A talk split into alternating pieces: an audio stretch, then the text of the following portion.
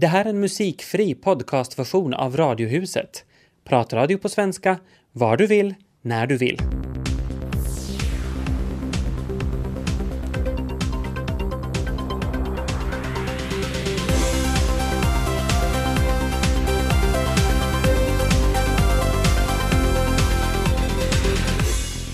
Välkomna in i Radiohuset nu när klockan eh, har blivit tre minuter över tre. Vi grunnar bland annat på vilket elände som spelmissbruk och dålig arbetsmiljö kan ställa till med. Och så ska vi vandra en liten sidenväg tillsammans med Maria Kurki som ger ut sina memoarer. I Radiohuset torsdag med Peter Falund i Vasa och Ami Lassila i Helsingfors. Häng med Betja! Maria Kurki, välkommen till Radiohuset. Tack. Du är känd för dina skarfar och slipsar sedan 36 år tillbaka. Hur gick det till när du startade företaget? Eh, jag startade företaget därför att jag inte fick en löneförhöjning som jag hade bett, en mycket liten förhöjning. Men det fick inte jag, jag inte och beslöt att, att okej, okay, så ska jag starta min, mitt eget företag. Så det var lite i ilskorna? det, det var ganska en bra, eh, ett bra beslut. Eh, det, kan, det vet man nu men, men det kunde jag inte veta då. Vilka svårigheter fanns det där i början att övervinna? Eh, den största svårigheten var att jag inte hade, hade inga pengar. Eh, men, eh, och sen året 76 var ju eh, väldigt svårt för affärsvärlden. Men jag började med nästan inga kostnader. Jag hade nästan inga kostnader. Jag började arbeta hemma och arbetade där alena ett, i ett och ett halvt år. Och hur gick det till? Så små, det tog tid. Men det tar ju tid alltid och det, det, aldrig är det, är det lätt. Uh, och det kan hända att ändå de, de här svåra tiderna hade sin effekt på att, att det tog ungefär tre år innan jag kunde vara lite nöjd. Mm, och vad var det som hände sen efter de där tre åren så att det svängde?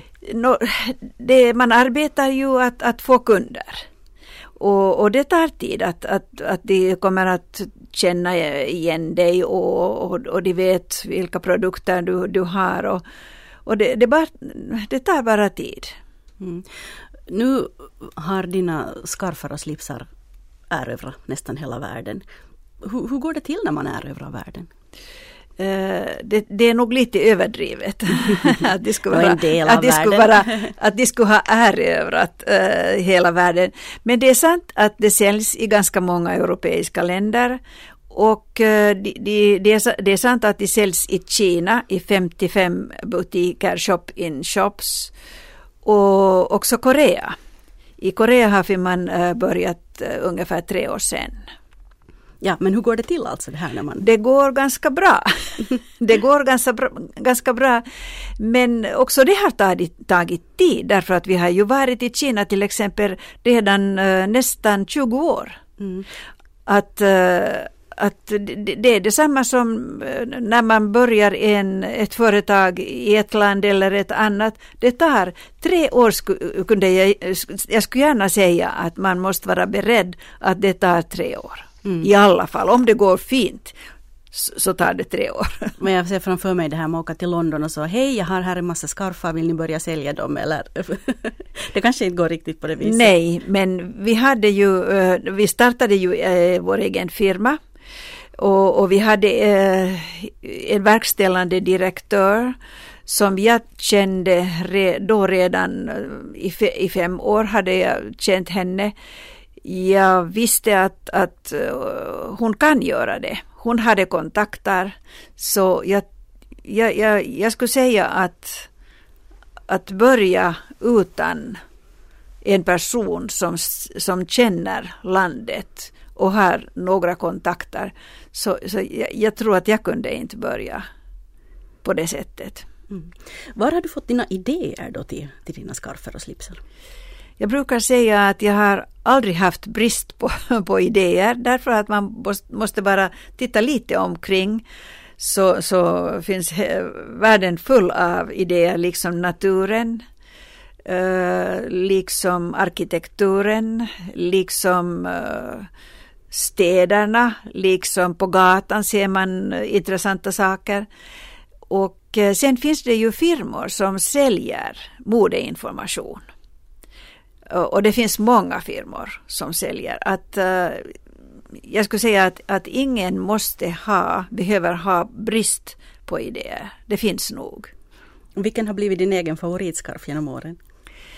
Eh, den som jag nästan aldrig har på mig är svartvitt och har uh, gula, mycket ljusgula, nästan vita rosor.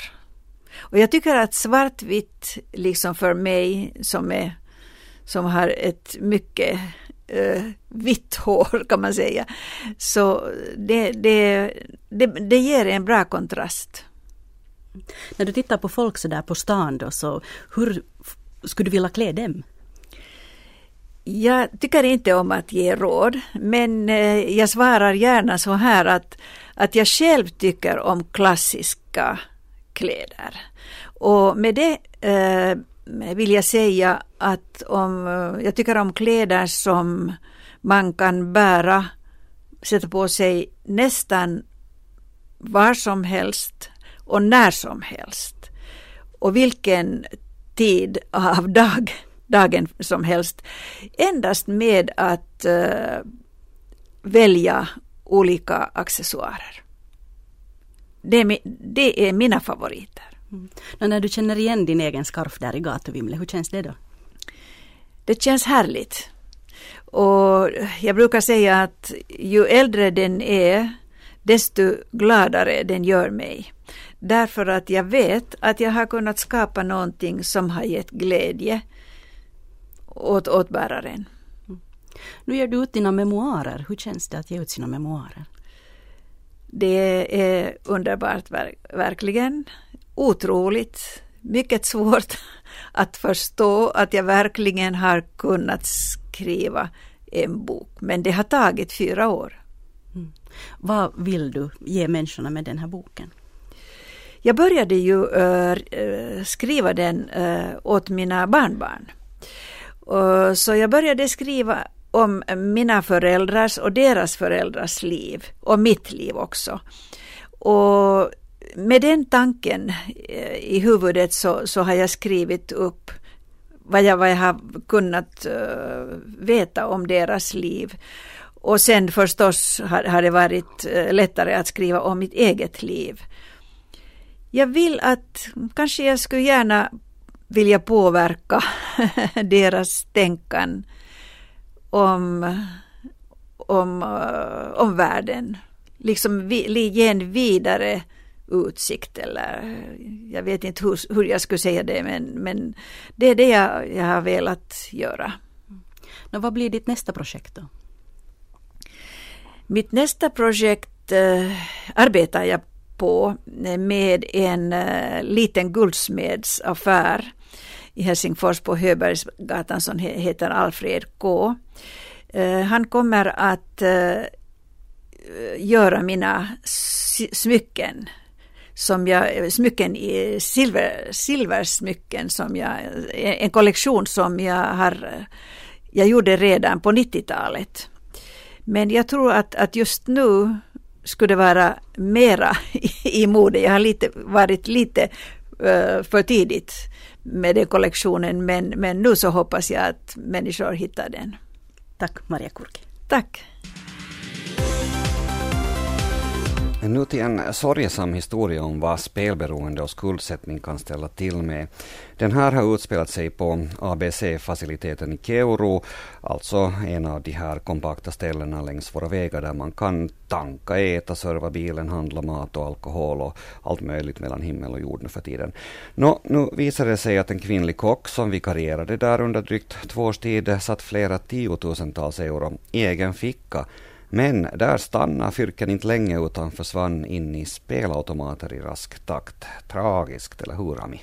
Nå visst är det, men jag undrar lite om hon har hållit på med det där i två år, att ingen har märkt det. Det måste ju vara lite dålig övervakning där. Mm, ja, hon stal pengarna i två euros mynt. Trodde väl på något vis att det inte skulle märkas så bra om hon knyckte knyckte, eh, alltså knyckte sedlar. Själva aktionen gick till så att hon alltid, när hon gav tillbaka växelpengar, lät några mynt från kassan försvinna ner i egen ficka. Nå, precis som du var inne på, snart nog eller småningom började ledningen förstås fatta att det är någonting som är mysko här när kassan, kassan ständigt visar på underskott. Och sen tog det inte då speciellt länge förrän man fångade kvinnan på bild med övervakningskameran in flagrante så att säga. Hon hade när hon fastnade med fingrarna i syltburken 150 euro i mynt på sig. Ja, man kan tänka sig på något vis att sådär, hon har tänkt att det är bara två euro, det är bara två Mm. euro, det är inte så mycket pengar eller så här att det är inte så farligt, ingen märker, man kan på något sätt förstå det. Ja, fast kanske inte i långa loppet då. Nej, no, nej, och det blev ju ganska stora summor alltså Mm. sist och slutligen. Hon fick nu sen sparken på stående fot Mm. och blev igår dömd till åtta månaders villkorligt fängelse för grovt bedrägeri. Dessutom ålagd att betala tillbaka den nätta summan av 32 000 euro till ABC och 8 000 euro i rättegångskostnader. Så det blev ett ganska dyrt snattande nog för henne. Nå, hon försvarar sig ju, det gör hon med att hon är spelberoende. Vad tycker du förresten om, att, om det här? Är det okej? No, alltså spelberoende är ju faktiskt en sjukdom precis som alkoholism eller narkotikamissbruk eller något sånt här. Och, och det finns vård att få och naturligtvis borde en sån här då få vård också. Men, men det är klart att om man begår brott så det, man måste ju stå till svars för det ändå. Så ja. Mm. Mm. Och det känns på något sätt, tycker jag, så sorgligt att man förstör för sig själv på det här sättet. Att liksom alla spärrar släpper och man bara har de där pengarna för ögonen. Men det kan ju inte hjälpa det tror jag. Det är ju just det som är Ja, grejen. ja, ja, men hela grejen att, att det blir så här. Ja. Jag menar när det finns så mycket annat, goda saker att lägga sin energi på.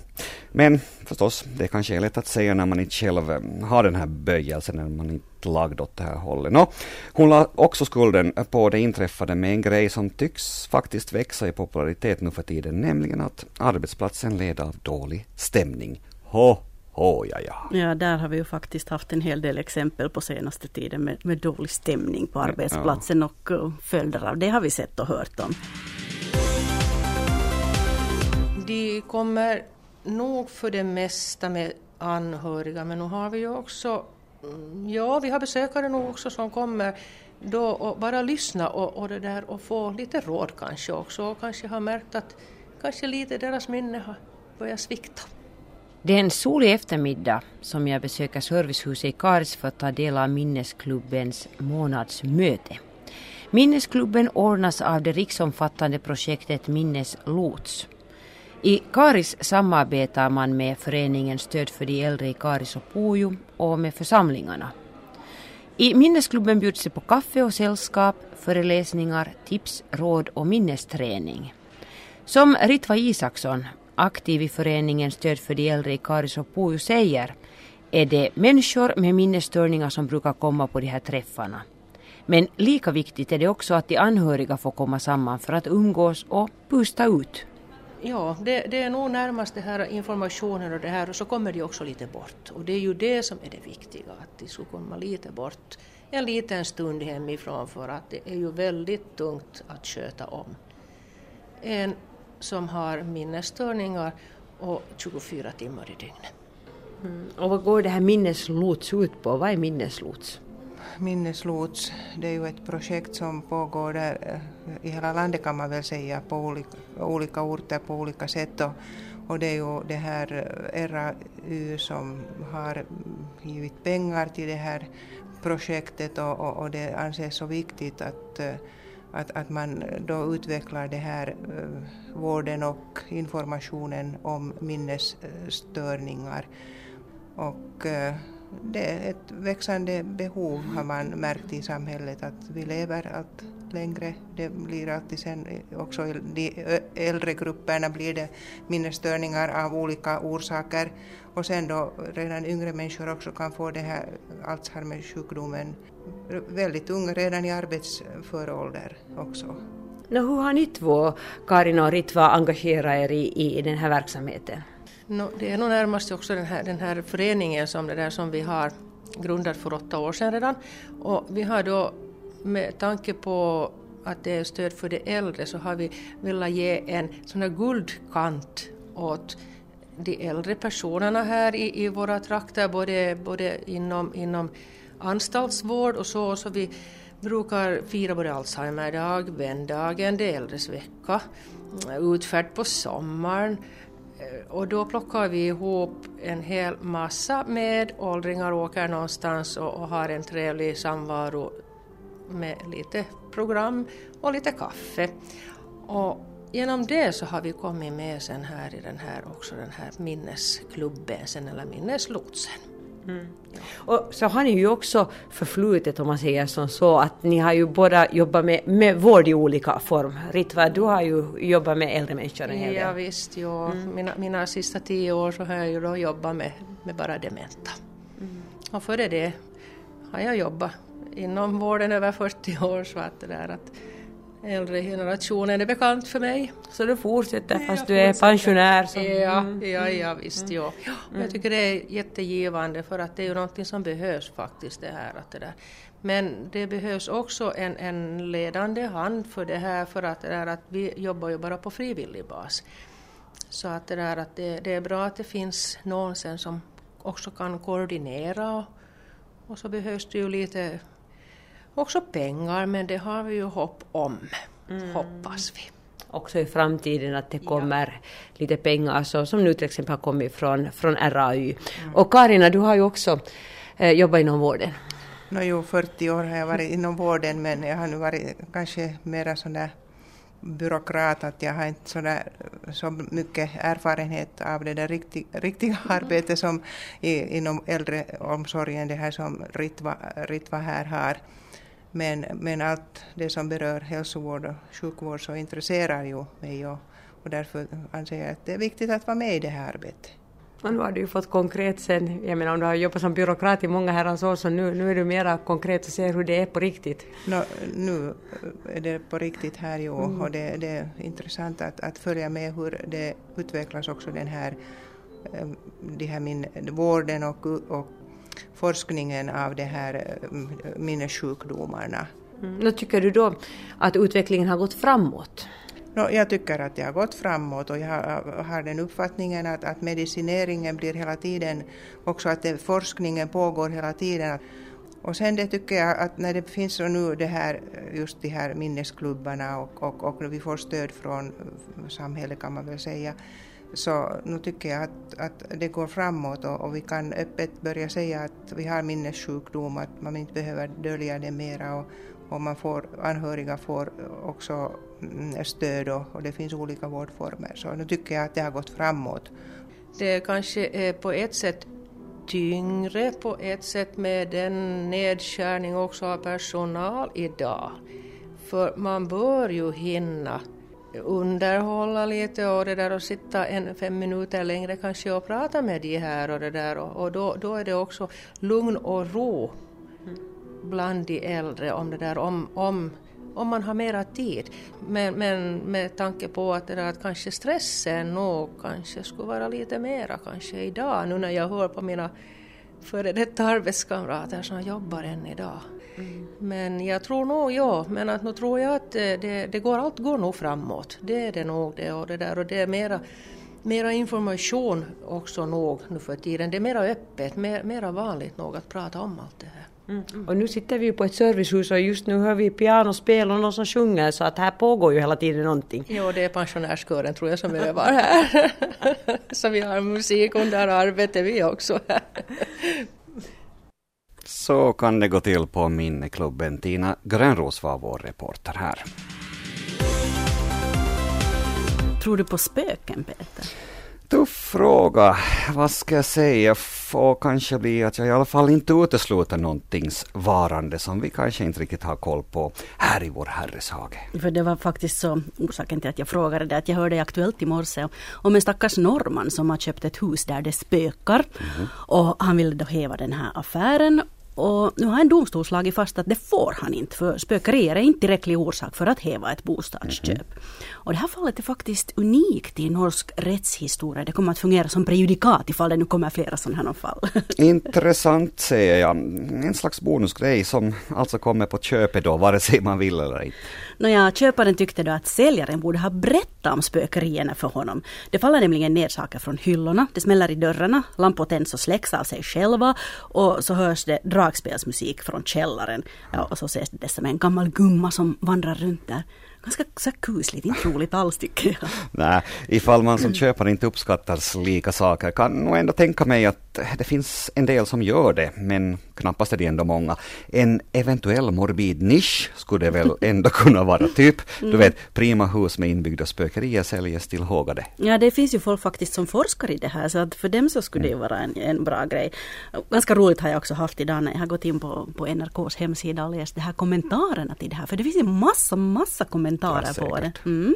Och, och där är då en del föreslår att huset helt enkelt ska rensas på de här onda andarna och de ska drivas ut därifrån och det finns tydligen personer som gör det här. Och, uh, en annan föreslår att man bygger ett sådant litet hus på gården för de här spökena. Så det som man gör i Thailand. Och, och då kan liksom de här, det, det är spöken till anhöriga då, då kan de flytta in där i det lilla huset och då behöver de inte spöka i det där stora huset. Mm. Och sen en tredje tycker att det här är ju då drömhuset för den som gillar dragspelsmusik. det var just det jag tänkte. Hörru. Folkdansare skulle väl kunna trivas. Jag menar, behövs ju inte ens någon stereo för musiken ens. Nej, så var det någon annan som tyckte att country skulle vara mycket bättre. Mm -hmm. Men det som fascinerar mig är när jag hörde det här då, att tänk, tänk att det här når över nyhetsträsken här i Finland. Mm. Att, vad är det i spökhistorier som fascinerar oss? Jag menar, okej, okay, de berättas idag, de har berättats alltid runt lägereldar framför brasan och alla har lite rys sådär och tänkt att nah, det är bara historia. Men så tittar man ut där i mörkret och så känner man helt säkert närvaron av någon där ute. Alltså jag var faktiskt, när jag var liten så var jag en baddare på att berätta spökhistorier. Och det gick till och med så långt att grannfrun kom och ringde på hos oss och sa åt min mamma att nu får eran Ami sluta berätta de där historierna för vår pojke kan inte sova på nätterna. fy, fy Ami, inte visste jag att du var en sån där, ska vi säga, stygg flicka. Nå, jag var nog ganska nöjd måste jag säga då. Men jag måste medge att jag tror nog också lite på det där. Jag vill inte sova i hus om jag vet att det spökar där. Mm. Någon gång på natten när jag vaknar så tror jag faktiskt att jag har sett ett spöke. Oh. Det var tänkt att jag skulle göra en hyllning till våren idag. Jag skulle göra den här kolumnen utomhus i solgasset och fågelkvittret, Kanske med en glass i handen. Sen började det regna. Och är jag sura. Tills jag insåg att eh, det är ju just det här som är charmen med den här opålitliga tiden på året. När det ännu inte riktigt vår och den lilla vår som finns, den är så otrogen som den bara kan vara och kan riktigt bra mitt i allt tillfälligt övergå i vinter igen, fastän det borde vara vår. Jag vill nu bara påminna alla er som har bråttom till den riktiga våren att inte glömma att ta vara på just den här tiden. Nu när man med hela sin kropp bara får längta till värmen, börja söka fram trädgårdsredskapen och cykeln och putsa motorcykeln och prova bikinin och sommarklänningen och vad det nu än är som man mest väntar på. Och just trädgårdsredskapen, de kan man ju njuta av mest den här tiden på året, när man bara tittar på dem och väntar på att man ska få börja använda dem. Sen när man väl står där och krattar löv och rensar ogräs så är det lagom kul. Cool. Ja, man kan ju känna sig lite otålig över att måste vänta. Och jag kan erkänna att jag själv önskar väldigt hett att jag hade en isbrytare så att jag kunde bryta upp en ränna till sommarstugan och lägga ut båten och åka dit obehindrat. Men samtidigt som jag är otålig över att slippa iväg till sommarstugan så njuter jag av vetskapen om att allt det där ligger framför mig nu. Det kommer. Och om vi går tillbaka nu till början, där jag var lite sur över att det regnar, så vet ni vad, ju mer det regnar, desto snabbare smälter ju faktiskt snö och is. Så istället för fågelkvitter, så här lät det i södra Österbotten tidigare idag.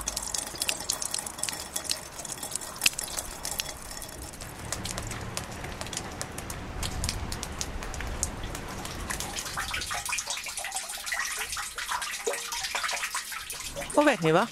Efter regn kommer solsken för mitt i allt när jag står här nu och ska samla regnljud så slutar det regna och solen tittar fram. Mitt namn är Filippa Sundlin och jag suger på den där karamellen som det är att veta att våren snart är här.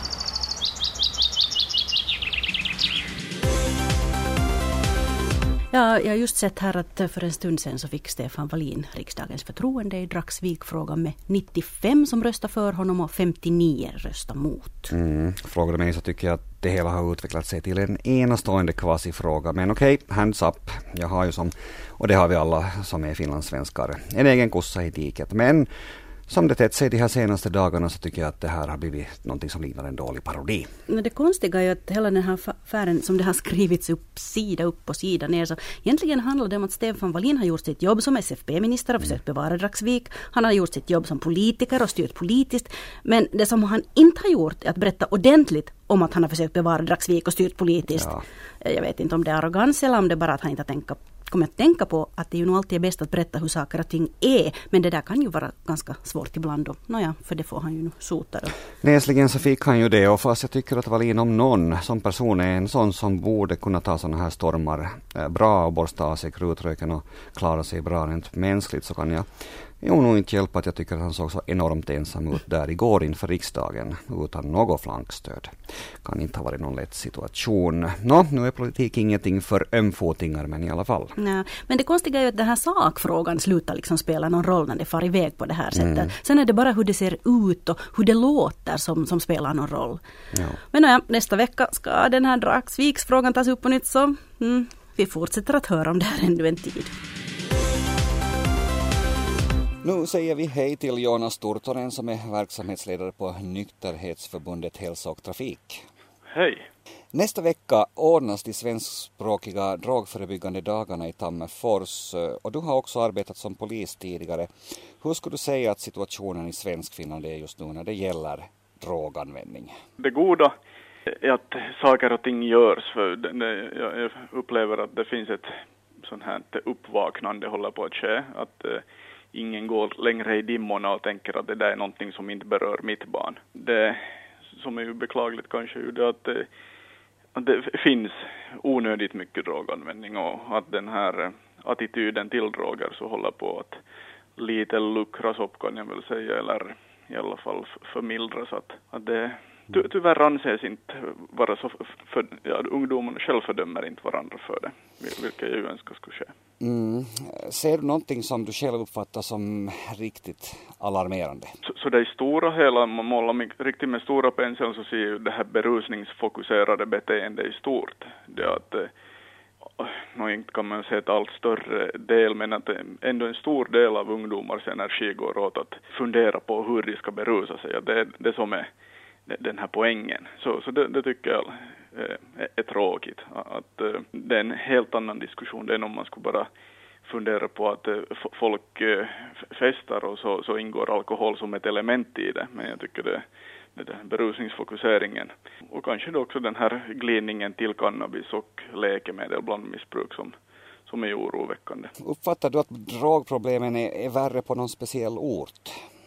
Nej, det kan jag nog inte säga det, det är liksom, fast man bor i en by med sju invånare så drabbar det mitt barn så visst, det, det är lika jävligt som att man bor i en miljonstad eller att det, det är nog så bara att eh, det finns inte ett sånt ställe i Finland var du skulle komma undan det helt. Att det, det är nog mer att uh, utgå ifrån att man ger sitt, sitt barn den matsäck eller ryggsäck då att när, när och om barnet stöter på eh, droger eller eh, droganvändning så att, eh, att barnet har då förmåga och kapacitet att göra de rätta besluten vid rätt tidpunkt. Mm.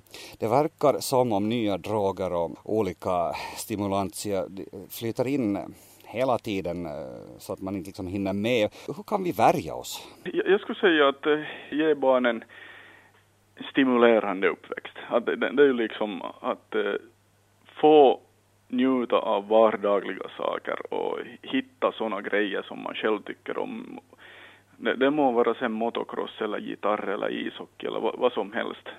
Eh, bara att man, man hittar från den här vardagliga, hittar de där, de där guldkornen, att man behöver gå och söka de där kickarna.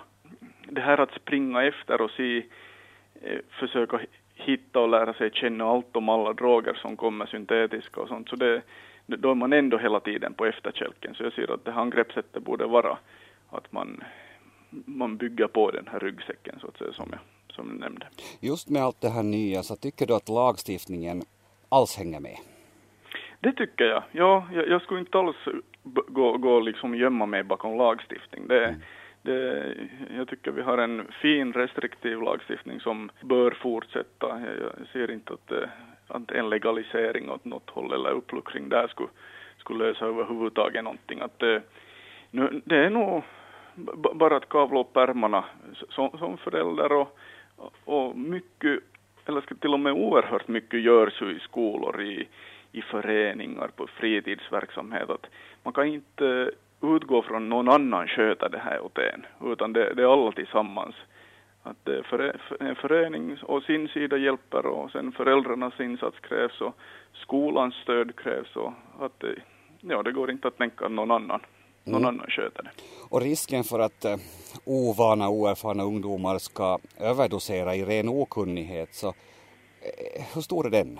Nå till all lycka så sker det ju inte så ofta, det, det, det är väl nog faktum, men att eh, ska vi säga speciellt med det här blandmissbruket som, som har då i statistiskt ljus ökat, speciellt bland unga flickor, så där var man tar en näve olika läkemedel och, och, och då dricker det, eller tar ta de här läkemedlen tillsammans med, med alkohol till exempel, så det, det, är ju fullständig rysk roulette, inte, inte vet ju någon hur, hur de här läkemedlen reagerar tillsammans i en, i en li, liten kropp. Att uh, det, det, är nog kanske, kanske det som är en sån här, ja, mm. stor grej.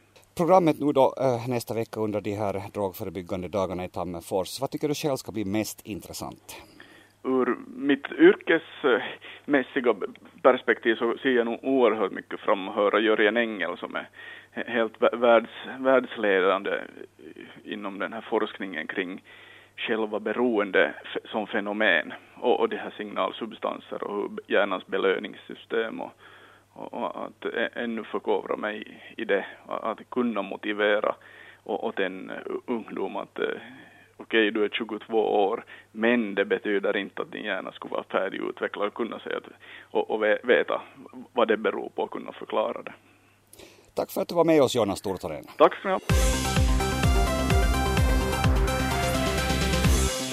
Det här var en musikfri podcastversion av Radiohuset som sänds i Radio Vega måndag till torsdag. Mer information om programmet hittar ni på svenska.yle.fi radiohuset.